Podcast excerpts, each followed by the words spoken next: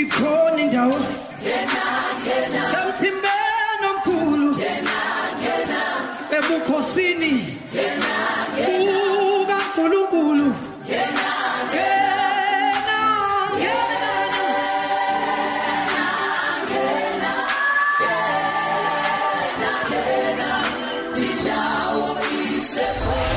uNkulunkulu nomuntu omusha. Yobonisa moto Eh ngithembisile ukuthi lana ngifuna sibe nengxoxo sikhulume nabantu abasha abazikhethelayo phakathi kwethu ukuthi bona bafuna ukuthi eh baqhubekisele phambili indaba ezinhle bahambise imiyalezo kaNkuluNkulu. Eh abantu abasha laba abathi bona bafuna ukuthi baf- bafundele ukuba abefundisi. Sifuna ukuzwa ukuthi kuhluke kanjani lolu hlobo lokufunda kunohlobo olujwayelekile. Nginaye ke namhlanje eh usisi lana engihamba naye unomvelo Ndebele eh wase Escort wembezi ngaphansi ke kwebandla iGod's Fire Ministry International eh ligaphansi kababa upastor SC Ngcobo eh ufunda ke e Divine Pentecostal Bible College.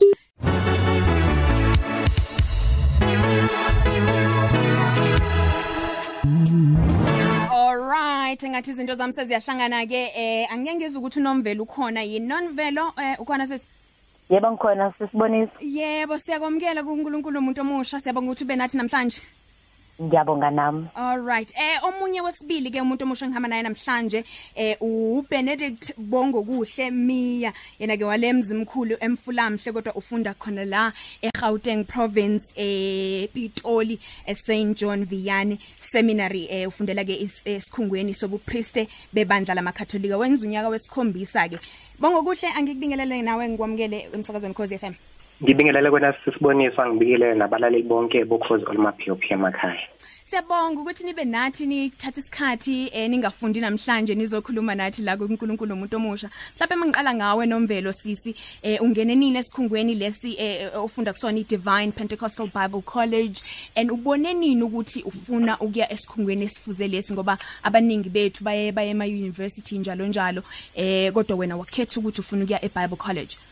Eh ngiqale kulonyaka ngoJanuary. So ngibone ngo2019 ukuthi ngenxa yobi ukuthi kufanele ngiqale ukufunda. So ngalinda confirmation ngilongikhuleka.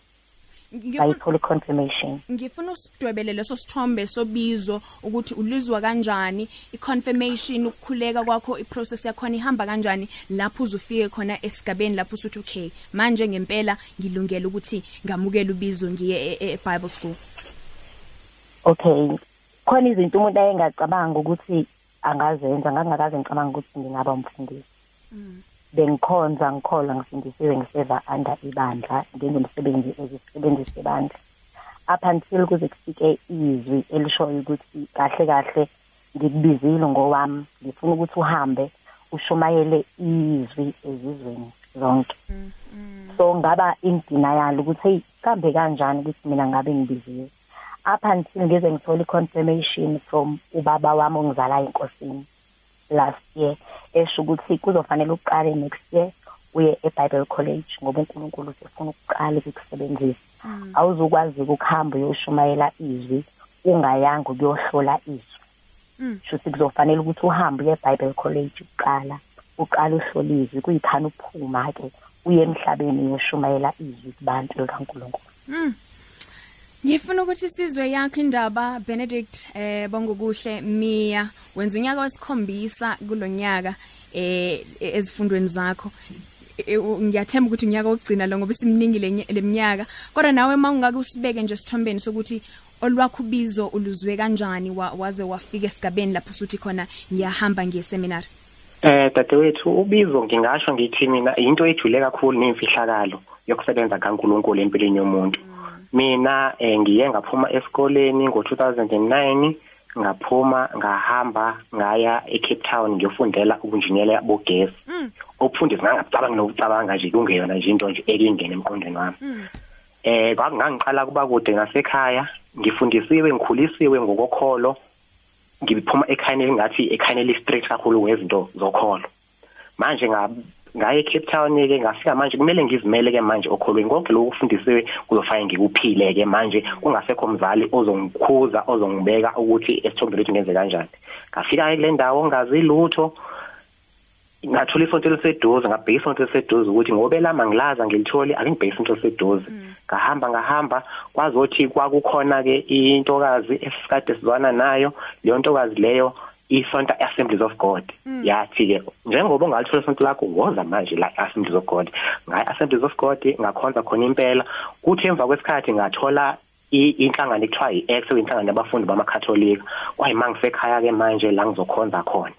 Umpriest manje wayekade elapho ke kuleyo X wakade kuwumpriest wayintshisekelo kakhulu evangeli elingashunyayelwa ngomlomo kodwa nangesenzo. Ngathinteka ngasondelana noNkulunkulu kwase kufika lo lothando ke nami lokuthi mhlambe nami ngingazidela ngisebenzele uNkulunkulu njengayona le ndoda. Ngabuza ke imibuzo uNkulunkulu ngakhuleka ngacela nabantu ukuthi bangikhulekise bese umdali wakhuluma ngendlela engachazeki engasho ukuthi mhlambe ngiyakwazi ukuyichaza ngase ngima isibindi ngalandela ngase kungikona indlela engena ngayo ke leyo. Washiya lo electrical engineering. Ngashiya dadewethu ngashiya nomfundaze. Ngashiya konke engiyakuthanda ukuthi ubala le ndaba yomfundaze ngoba ngifuna sizokhuluma ngale leyo kanye indaba eh, nomvelo Nino Benedict namhlanje. Sokhuluma ngendaba ukuthi uhlelo loku applya ku applyela ukuthi ungene kulesi sikhungu subonile ukuthi eh yiko ofuna ukwenza ku case yakho yona nomvelo ubaba usephinde wa confirm ukuthi ngempela kumele uhambe. Eh uapply kuhamba kanjani? Khona abakubhekayo ukuthi ngempela ulungele yini ukuthi ungene esikhungweni esifuze lesi? Ngizoqala ngawe nomvelo ngize kwena bongo kuhle yebo sisibonisa. Kuyaye kube nzima kakhulu because usuke ukluless ukuthi uma ngabe kambe sengiqala ke ngizoqala ngibheke ngapi inhlanhla leyo kwasho ukuthi ubaba wami uke waba se Bible College so uyazi ukuthi ku-applywa kanjani kwenziwa kanjani lo msebenzi wangenzela yena wangifunela isikole wase sebuye sebuya ne-feedback eshoyo ukuthi ke nombelo sengisitholile isikole ozofunda kusona. Kukhokhwa kanjani? Kwenzakalani? Ngalesi sikhathi esasho nje ukuthi-ke kufanele ulungise imali engaka. Ngake ngathuka ngoba ngaleso sikhathi ngangingenamali ngingazi ukuthi ngizokwenza njani. Ngizothatha ini ngihlanganise nani? Kodwa manje nakho isikhathi sokuthi ngiqale ukuyofunda sesifikile. Mm. Ngaya kuNkulunkulu ongibizile ukuthi inkosi wena ongibizile. So anginayo imali yokuhamba ngiyofunda. Ngizokwenza kanjani? Ngoba kuuNkulunkulu oqamba amasi. Waseliqambiso. Yakhona imali yokuthi ngiqale ngiyofunda. Because kwezinye ikhathi abazali njengoba ubhuti seke washo ukuthi wayekade efunda engineering. So abazali bethu bangabe sikhula baye besibheke siyezinye izinto sisebenza kumlungu. Singasebenzi umsebenzi kaNkuluNkulu. Kuye kube nzima ukuphindela ekhaya. Uyosho ukuthi uNkulunkulu ungibizile ngisacela ningi-assist ngidinga imali yokuyofunda. Kodwa uNkulunkulu uyalenza icebo awenza amasu ifika imali ukwazi ukuyofunda. Ngaqala ke nga-enroll ke Mm athambise nenhliziyo zabazali ukuthi njengokade bebheke ukuthi eh uzofunda usheshe uqede ube electrical engineer ubuye uzobasiza bakwazi futhi ukuthi bakunikeze izibusiso zabo ukuthi uhambe le ndlela osuku yebo bakwazi ukwamukela ukuthi okay kushuthi lo kahle kahle uyisisebenzi sikaNkuluNkulu. Yena akazuphumela ukuhamba ekhaya ahola ukuphela kwenyanga. Yena uzophumela ekhaya ukuyosiza impilo zabanye abantu abangaphandle abadinga ukusizakala ngokuqhamoya wathi Jesu kubafundi bakhe hambani niyezweni lonke. Nishumayele ivangeli kukho konke okudaliweyo. Bongo kuhle wena iprocess yakho yokuapply uziyongena eSt John Vianney Seminary. Nanokuthi abazali bazithola kanjani ke lezi indaba zokuthi wena usuyayeka eelectrical engineering usuyofuna ukuthi ufundele ukuba umfundisi? Imali iqhamuka kuphi? Kuyakhokhwa yini esifuna esikolweni esifuze lesi ngoba mhlawumbe umsebenzi kaNkuluNkulu nje uyafika ungene mahala eh kuthi nasisiboniswa isifunda nesifunda noma indawo nendawo kuye kube khona umpriest okuyena obhekelene noma ogqugquzela bona abantu abanobizo. Abantu abazizwa benobizo baxhumane naye kube uyena obacathulisayo ngathi ke mina mangabe sengithi ngiyasithatha ke sinqumo ke ngahlangana nalompriest ngakhuluma naye wangiluleka wangikhulekisa. Kodwa mina ngase ngizizwe ukuthi isinqumo sengisithathile bese umpriest ke wangimema ukuthi ngizohlala naye ngizoyibona ke ngamehlo manje impilo yobupriest ukuthi injani. Bese futhi nakhona futhi u- uthatha isikhathi lapho mhlawumbe singanga nonyaka ugcwalisa nama forms agcwaliswayo ukuthi akwazi ukuthi ubone ukuthi ngokwezempilo njani amehlo kanjani izinto ezikanjalo. Bese ke le lento yenza ukuthi kube unyaka futhi eyokukunika ithuba lokuthi uma ubona ukuthi engathi akusiyona impilo yami le ngigagamele ukwazi ukuthi ngicela ukuthi ngihoxe kancane okanye futhi ukwazi ukuthi hayi ngicela ukubona ukuthi akuyona impilo yami le. Bese ke mina ke kwathi ke ekupheleni konyaka ngabe ngisaziza ukuthi ngisafisa ukuqhubeka kwakhona ama interviews abakhona ngaphumelele ngase ngikwazi ukuthi ngingene esigabeni esilandelayo sokuthi ngithunyeleke esikoleni. Bese ngokwemali noma siqale ngakabazali ngokwabazali abazali ngicabanga ukuthi akubanga lula akubanga kodwa futhi nzima ukuthi bamukele.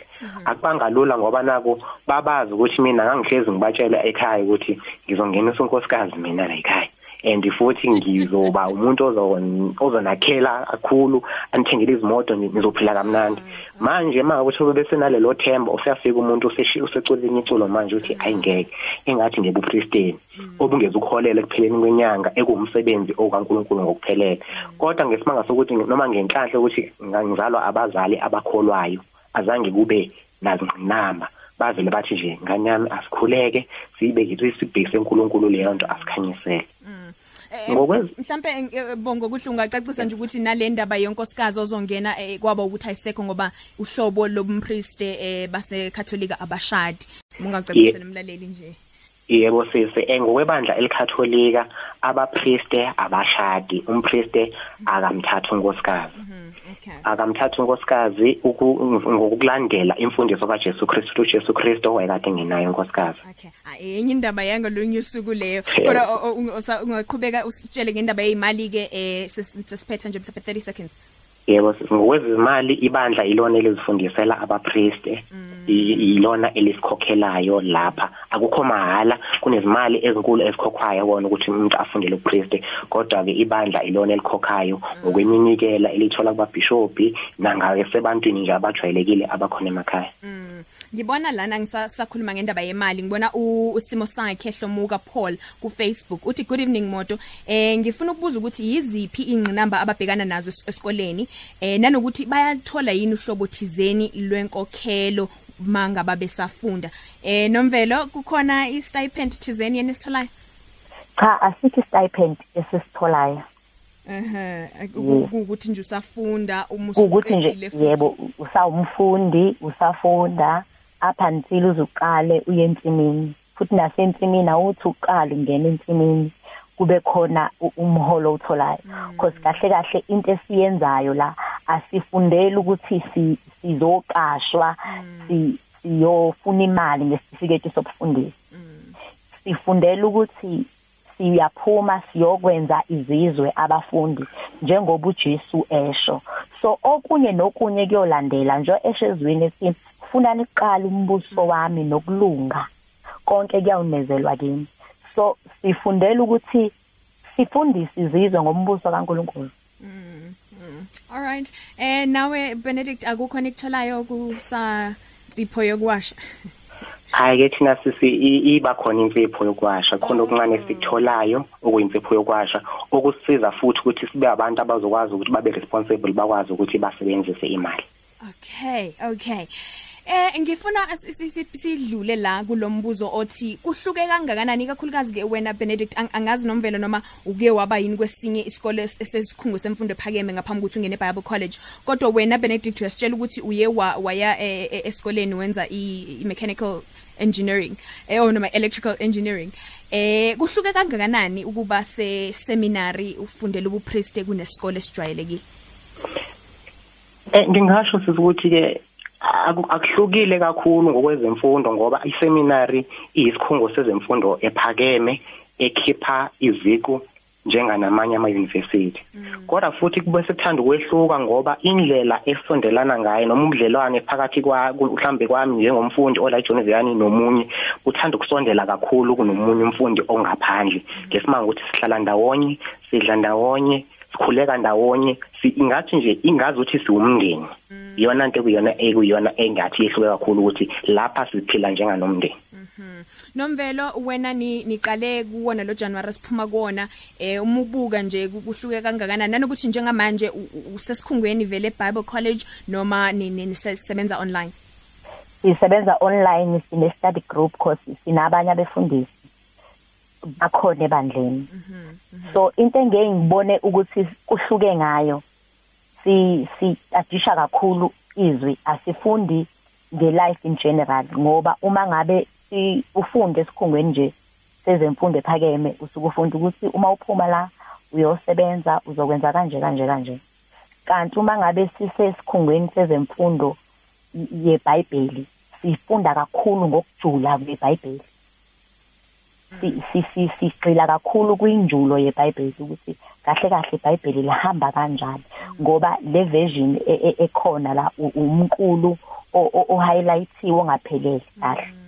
So manje lapha sisuke sesiye empandeni zeBhayibheli sithole khona ukujula. Okay alright Ngifuna ukuthi sivale ingxoxo yethu kodwa eh, mhlambe ngingafuna ukunikeza ithuba eh wena Nomvelo nawe Benedict eh, ngomunye ngamunye nje. Nisho ogodwa eningafisa ukuthi abantu abangaphandle abange abangekho sikhungweni e- e- esifuze lezi eni- eni- enikuzona bakwazi ngezikole eh zeBhayibheli ngama seminary ngezikole eziqeqesha abefundisi yini mhlawumbe nje ningathi nifuna ukuthi abantu bayazi nicabanga ukuthi baleke kakhulu. Eh, ngizoqala ngawe Benedict.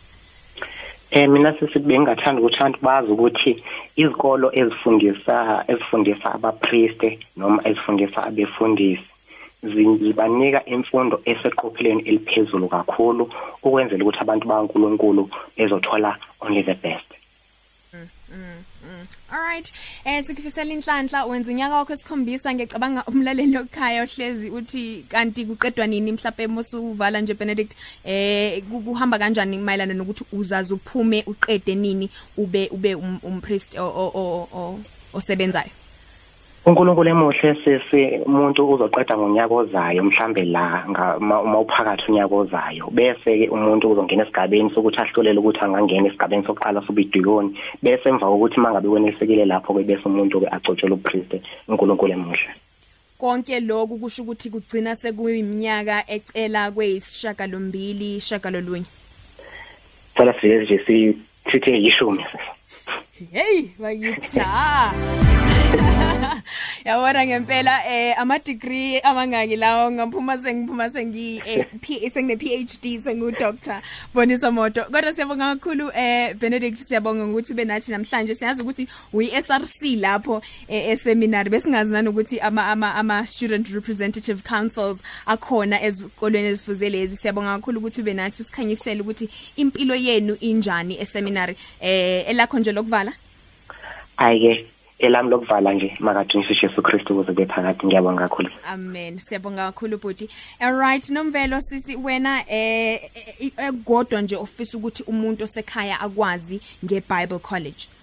eh a- a- akukho kutheni a- akukho kuhlukile kunezinye izikole kangako ukuthi ngoba nje sisuke siyofunda kabanzi ngempilo kaKristu suke siyofunda kabanzi ngoNkulunkulu ukuze mangabe siphuma siphothula izifundo zethu sikwazi ukutshela abantu into ephelele ngoNkulunkulu ukuthi uNkulunkulu ubani uNkulunkulu wenzeni uNkulunkulu usize kanjani izimpilo zethu.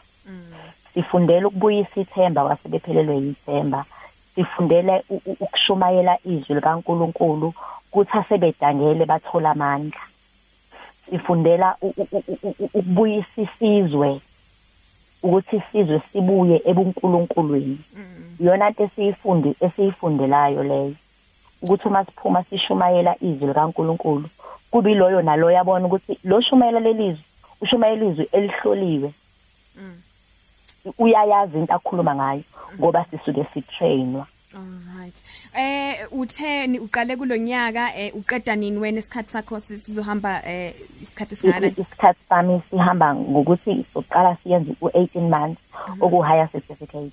Then after u18 months okuma ngabe ngiqualify ukuqhubeka ngenze diploma ngizoqhubeka ngenze diploma ngicede idiploma ngiphinda ngiqualify kwenza i-degree ngizoqhubeka ngenza i-degree. Alright. Sikufisela yonke inhlanhla sisengathi uNkulunkulu angakubusisa eh ukwazi ukuthi musuphumile ukwazi ukukhuluma na- na- na- nabantu bakhe ngendlela eyona yona siyabonga kakhulu sikufisela konke okuhle. amen Alright. Akabantu abasha labo kade sikhuluma nabo namhlanje unomvelo Ndebele webandla iGod's Fire Ministry International ngaphansi ka PS eh ubaba uNcobo. Khona lapha ya ePentecostal eh, ufunda eDivine Pentecostal Bible College. Base Escott eWembezi ke ibandla lika Nomvelo. Bekade khona ke no Benedict eh bongokuhle Mia ophuma ke yena emzimkhulu emfulamhle kodwa ufunda la ePitoli eh eSt John Vianney Seminary eh ufundela ke ukuba umpriest webandla lamakatholika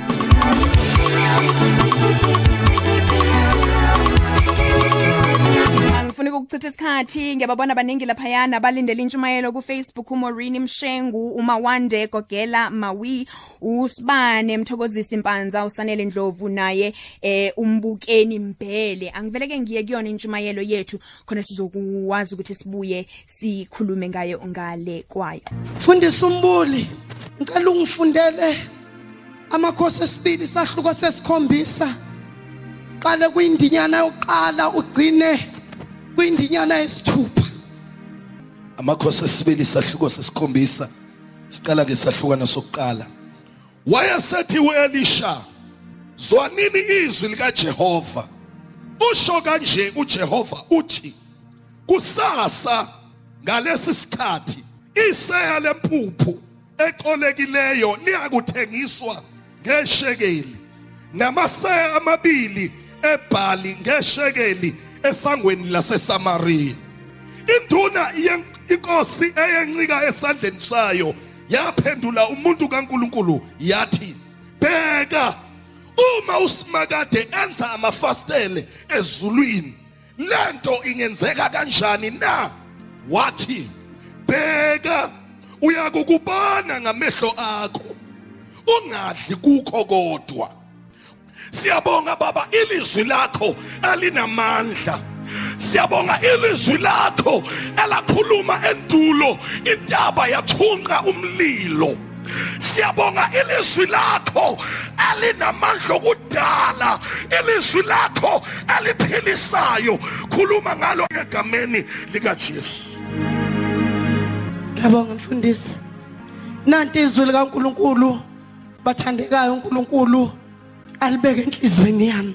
uElisha ukhuluma into eba umbhedo eindlebeni zokutolaleleyo ngoba isimo sisho okunye.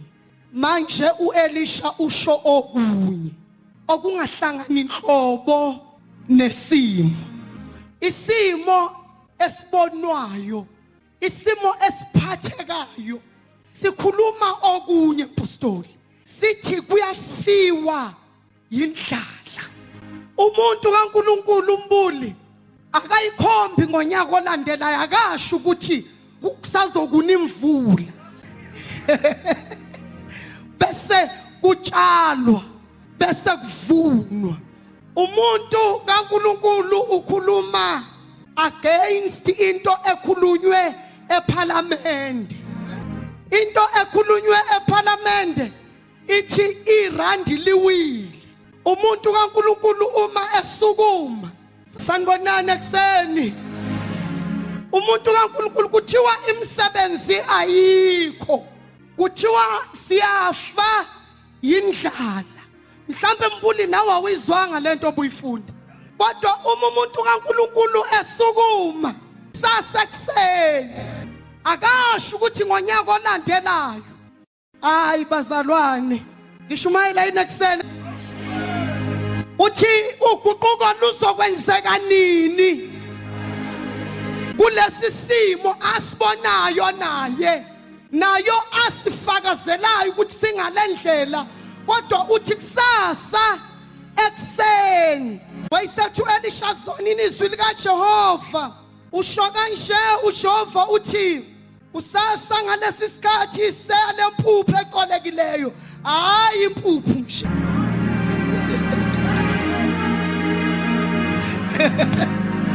Hayi impuphu nje.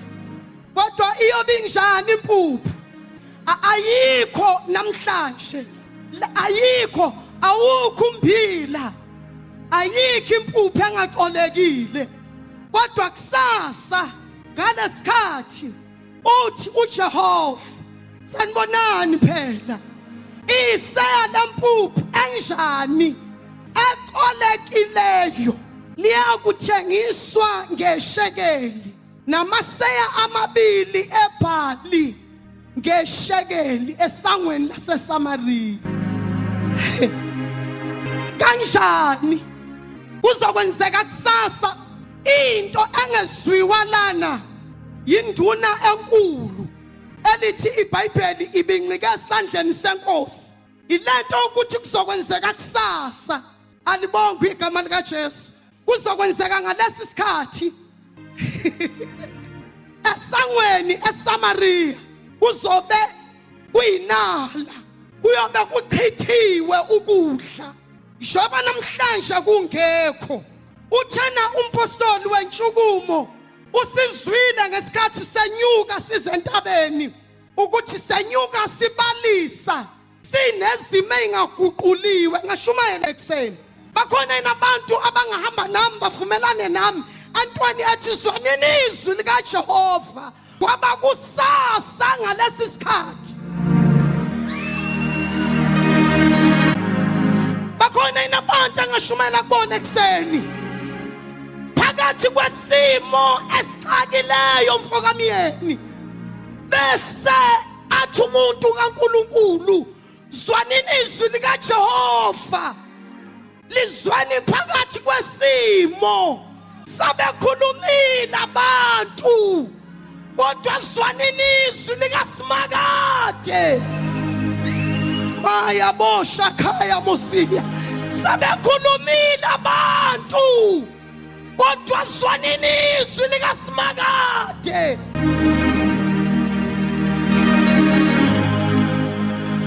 zwanini izwi likaSimakade nansi into eyenzekayo lambuli. Lithi iBhayibheli abantu mabekholwa uNkulunkulu umpostoli bayaqiniswa. My Jesus. kodwa mabekholwa umprofeti bayaphumelela. Kuright ukholwa uNkulunkulu. Mabekholwa uNkulunkulu bayaqina. Kodwa bangaphumeleli ngoba bakakholwa umuntu kaNkulunkulu. Oh mabekholwa uNkulunkulu bayama baqine. Kodwa bame bengaphumelele kodwa mase bekholwa umprofeti lalela ngembuyazi ithi induna akholwa uNkulunkulu induna enjani imbuli iyakholwa uNkulunkulu iyakholwa ukuthi uNkulunkulu angawavula amafasitela ezulu. Ngicela ukuniyeka ngihambe ngiphindele kwami. Iyakholwa ukuthini basalwane uNkulunkulu angawavula amafasitela ezulu kodwa into engayikholwa mbuyazi ileyo ukuthi kusasa ngalesi sikhathi iseya lempuphu nalephali liyobe lichithiwe sangweni eSamaria inkinga uyakholwa uNkulunkulu ukholwa uthi uNkulunkulu angawavula amafasitela ezulu kodwa akakholwa umuntu kaSimakade othi kuzokwenzeka kusasa hayi hayi bapha abantu ngishumayele kubo ngoba akuyena uNkulunkulu opressa amabhathini ukuze zenzeke awumbuyazi kusami ngicela ukushumayela kancane waza mbuyazi ngushumayeza kwamdileya uHana ukuthola uSamuel ekholwa uNkulunkulu. Kodwa engakholwa umuntu kaNkulunkulu. Uma kushumayela kuseni alokhu ayothandaza. Eqonde altar adlula umuntu kaNkulunkulu.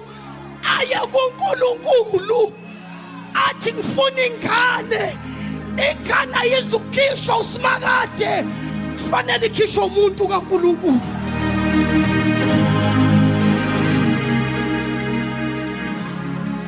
Usamiyela akaveli kusimakade. Uvela masekhuluma uEli. Ngoba uHana uthatha isikhathi eside ekholwa uNkulunkulu. Kodwa engakholwa umuntu kaNkulunkulu. Eqhubeka ekhalela usimakade kodwa engakhali kumuntu kaNkulunkulu kwangithatha isikhathi eside ukuthi akahlala beyinyumba ekholwa uNkulunkulu. Inyumba ekholwa uNkulunkulu inyumba yaqhubeka nobunyumba bayo kwabe iyakholwa yona uNkulunkulu.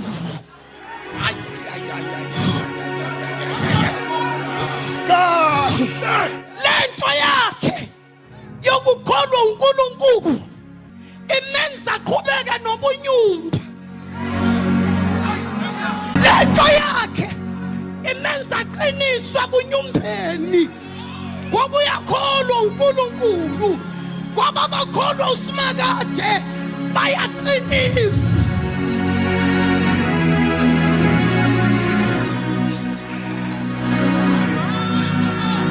bayakholwa kodwa baphumelele. Bahlala ethempelini kodwa baphumelele. Bayathandaza kodwa baphumeleli bayaqiniswa kodwa baphumeleli till you recognize umuntu kasimakade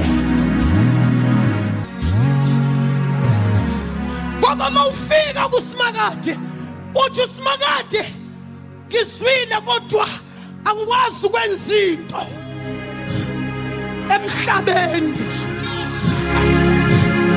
Ngikuzwile kodwa ngazibopha. Angikwazi ukwenza into emhlabeni ingaziwa. Abaprofethi neyinceku mawulokhu udlula abaprofethi uza kimi. Kanti leyo nto ayikho kimi. Usamuyeli ngamkhipha ukuleli akhehlo lokhu lidlula yilona eliphethe ukhiye.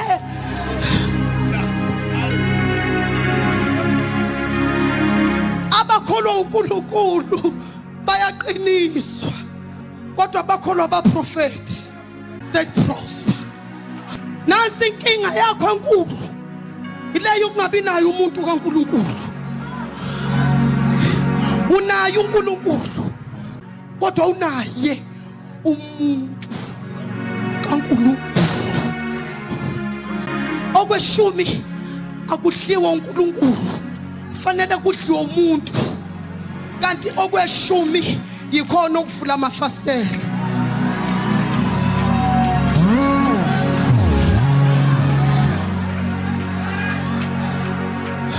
akudliwa uNkulunkulu.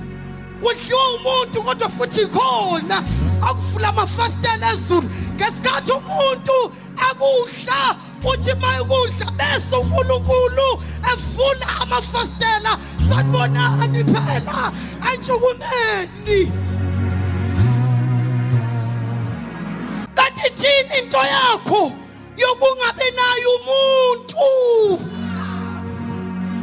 kaNkulunkulu. Ithini into ongabi nayo umuntu. kaNkulunkulu. Lalela. Abantu abakholwa uNkulunkulu bengakholwa abantu bakaNkulunkulu. Bazosibona. Sidla impuphu eqolekileyo sisheba nephali. Hayi mbuli ithi induna enkulu ehlala eduze kwenkosi. Inkosi incika kuyithi uNkulunkulu angavula amafastela ezulu. Inkinga yami ukuthi lento oyikhulumayo ingenzeka kanjani yona? Uthi ke lo muntu kasimakade uyabo kanjengoba ungasakholwanga yimi.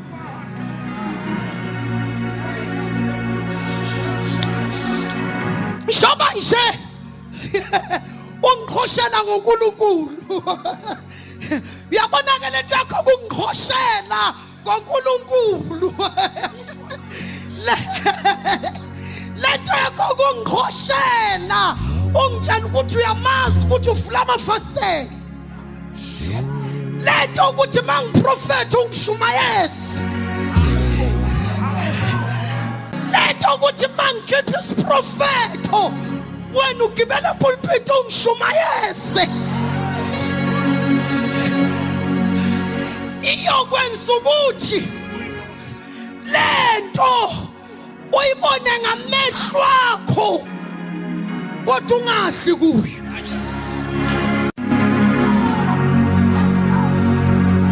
shoba strong nje kulobu strong bakho wazi amavesi amakhulu. Okuthi amafastela ayavulwa.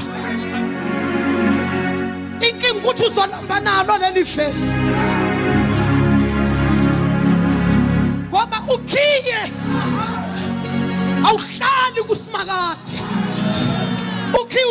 kimi manje lento yakho. Izokwenza uqhubeka ube strong ekulambeni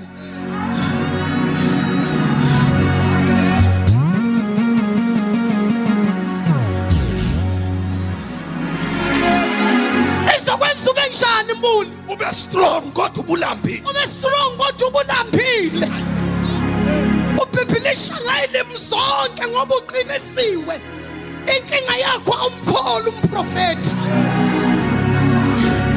inkinga yakho ukholwa usimakade kodwa ukholwa umprofethi kanti into wadelela uhana iminyaka. Edelela umuntu kaNkuluNkulu. Abangizwanga mbuli. Edelela egameni lokuthi uyakholwa. Edelela egameni lokuthi uyathandaza bigeli edelela egameni lokuthi izehluleki sesehlile entabeni yena uyanyuka. Ayibahlula abantu ababuthakathaka intaba yaseshilo bathi sesiyajika. Athi wana mna ngiyakhuphuka ngesikhathi enyuka. Wehlula nomuntu kaNkuluNkulu. Uyayena mbuyasi ashiya umpristi ngemuva. Lathula izulu tu lilinde umprofethi. Lilinde umuntu kaThixo. Lilinde umpristi. Engazange nyakaza izulu line order lathula izulu mbuyasi lathula izulu. Waze waba nomusa wokubuza umuntu kaNkuluNkulu. Waba nomusa wokubuza. Waba nomusa. Uyena obuzayo ngoba ustrong kakhulu hana. Unamandla amaningi okuthandaza. Uthi akunandaba nangonyaka ozayo ngiyokwenyuka ugcwele amandla uqinisiwe kodwa akatholi lutho futhi. Kuloku uqina kwakho umuntu kaNkuluNkulu uthi kanti kahle kahle yini? Ithini into yakho? Uyotakwa kuze kube nini? Uhlulwa. Yayilula into. And ngicabanga ke uSamuel akakhishwa izulu lithule izulu tu. Kwaze kwafuneka akhulume kumuntu kaNkuluNkulu athi akukhona ukudakwa into ngiyinyumba angiyitholi ingane lento kade lokho eyikhuluma iminyaka. Manje usayitshela umuntu kaThixo. Lalela ke umuntu kaThixo ke akalishonisi laka. Umuntu kaThixo ke akathandazi. Abantu bakaThixo bathandazi abantu bakaThixo bayakhuluma. Ngoba umthandazo into yey'ngane into yobhebi obhebi babaqhubeke bathandaze kodwa abantu bakathixo abantu be-authority bazosho ngezwi bese kuyenzeka. Bese umuntu kankulunkulu angabe selishonisa ilanga athi ngonyaka ozayo.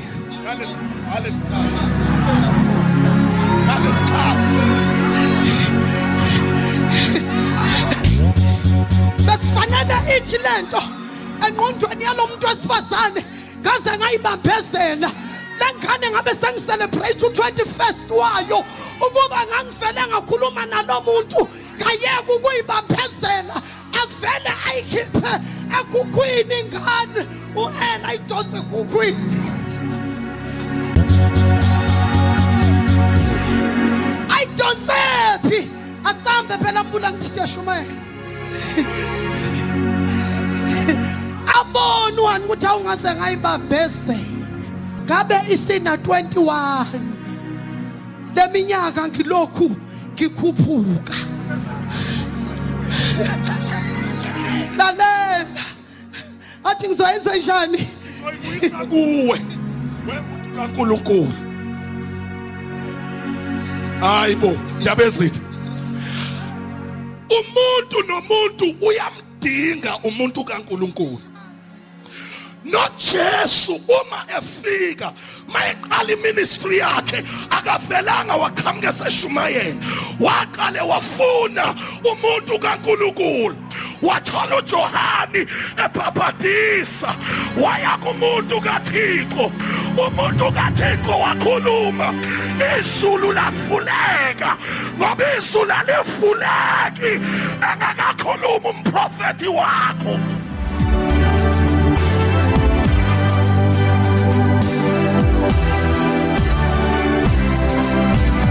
Sibamba lapho ke intshumayelo yanamhlanje sithola ke kuye nomntwana onokwethemba Zulu webandla iTeach All Nations International Ministries wayishumayela kwintshuka- kwintshukumo. Uzwile ke ngempela ukuthi eh ungamkhohlwa umuntu kaNkuluNkulu. Uzomdlula endleleni nje kanti izibusiso zakho zikuyena uthi uziyela wena kuNkulunkulu kanti izibusiso zakho uNkulunkulu usezinike umuntu wakhe.